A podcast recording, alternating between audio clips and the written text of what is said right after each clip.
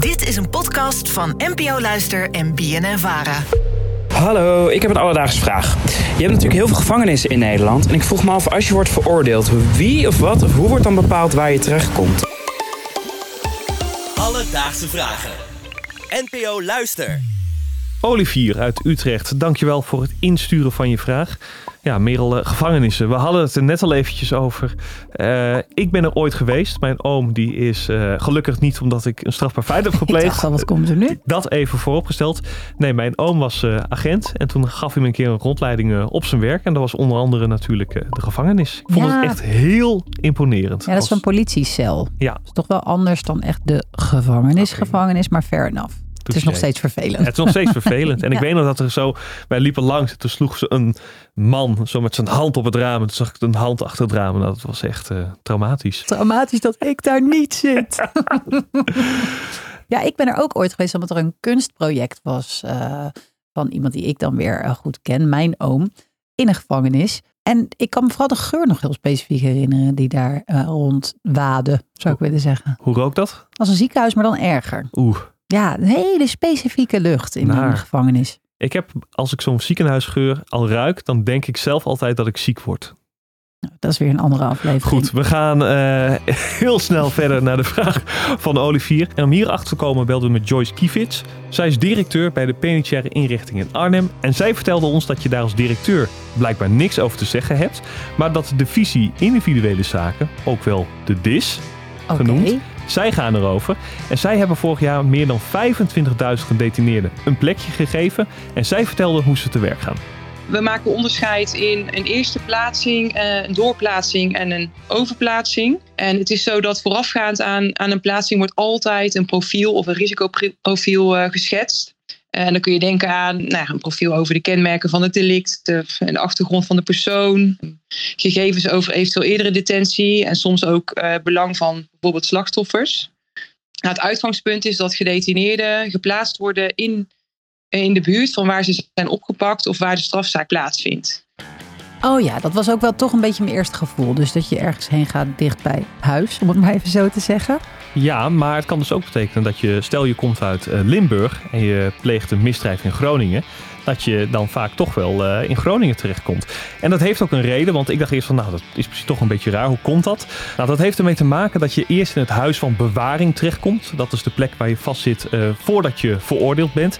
En tijdens ja, het rechtbankproces dan vindt er veel vervoer plaats tussen de rechtbank en de plek waar je vastzit. En dat willen ze het liefst zo kort mogelijk houden. Dus dat is de reden dat je vaak vastzit op de plek waar het delict eh, is gepleegd. Nadat je wordt veroordeeld ga je wel echt naar een gevangenis.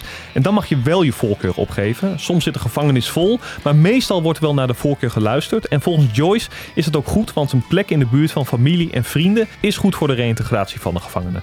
Maar er zijn ook uitzonderingen waarbij een gevangene niet mag kiezen. Je hebt het zorgaspect, dat is een eh, van de twee eh, uitzonderingen. Je kunt daarbij denken aan mensen die eh, een psychiatrische stoornis hebben. En, en dan kan het zo zijn dat zij juist op een regulier regime niet voldoende behandeld kunnen worden in verband met die problemen. En het kan ook zo zijn dat vanuit het beheersaspect eh, er sprake is van een speciale doelgroep. Eh, en dan kun je denken aan bijvoorbeeld eh, het zijn van een vrouw. Want we hebben niet eh, op iedere plek ruimte voor vrouwen. Iemand kan verdacht worden van een terroristisch misdrijf. Maar het kan ook zo zijn dat iemand bijvoorbeeld niet samen in dezelfde inrichting mag, mag worden geplaatst met iemand anders, omdat er nog een strafzaak loopt. Eh, en ook dan worden mensen uit elkaar geplaatst en dus ook misschien soms buiten de regio. Hey, en heb je nou in Nederland ook een beetje eh, verschil nog in luxe of niet luxe gevangenissen? Ja, nou, we kennen het voorbeeld uit de VS dat je daar echt eh, terrorgevangenissen hebt waar je niet eh, levend of dood gevonden wil worden. Ja, maar juist ook oprecht best wel luxe. Ze doen altijd net alsof die daar niet bestaan. Maar als je een beetje money hebt, heb je echt wel een andere cel. Ja, nou, in Nederland is het over het algemeen redelijk gelijk. Komt trouwens ook omdat in de VS, daar is het dus, zijn gevangenissen particulier. Alledaagse vragen. Wat als je later spijt krijgt? Stel je hebt gekozen voor een gevangenis, maar het is een hele verkeerde gevangenis. Je wordt gepest. Ik wil naar Utrecht. Ja, en dan precies. zit ik daar. En dan blijkt het volkomen ruk te zijn. Ja, mag je dan nog verhuizen naar een andere locatie? Nou, dat heb ik ook eventjes aan Joyce gevraagd. Nee, dat kan zeker. Kijk, als iemand eenmaal geplaatst is, dan kan een gedetineerde altijd een verzoek indienen om naar een andere inrichting overgeplaatst te worden. Uh, wat we hierbij uh, vaak zien is dat uh, mensen toch wel dichter bij huis geplaatst willen worden. Maar het kan ook zo zijn dat iemand het gevoel heeft nou, ergens anders een nieuwe start te willen maken. Of dat er misschien spanningen zijn met andere gedetineerden. Of dat bijvoorbeeld uh, uh, iemand wat meer focus heeft op een specialistisch baantje. En dat wordt in de ene inrichting dan wel gefaciliteerd en in de andere niet. Dat kan een reden zijn voor een gedetineerde om, uh, om zelf ook een verzoek in te dienen om overgeplaatst te worden. Ja, Merel, normaal is dit het punt uh, waarop de conclusie plaatsvindt. Maar we moeten natuurlijk nog eventjes wat aankondigen voor de luisteraars. Zeker. Nou, we hebben het al een keer eerder gezegd. Maar we hebben natuurlijk een fantastische plek gekregen voor de Dutch Podcast Awards. En nou is dat een juryprijs, maar je kan ook ons voor een publieksprijs nomineren. Dan moet je dat even doen via podcastawards.nl slash stemmen. Voel je vooral niet verplicht, maar we zouden het heel leuk vinden als je ons uh, daarvoor nomineert. Want ja, Monica en uh, Kai, die hebben denk ik net iets meer achterban om dat uh, te fixen. Ja, de conclusie. Olivier, jij wilde weten hoe er wordt bepaald in welke gevangenis je wordt geplaatst. En we hopen dat je deze info niet in de praktijk nodig gaat hebben, maar toch goed om te weten. Die eerste plaatsing, dat is in het huis van de bewaring en dat is altijd zo dicht mogelijk bij de plek waar je wordt opgepakt en waar de strafzaak is.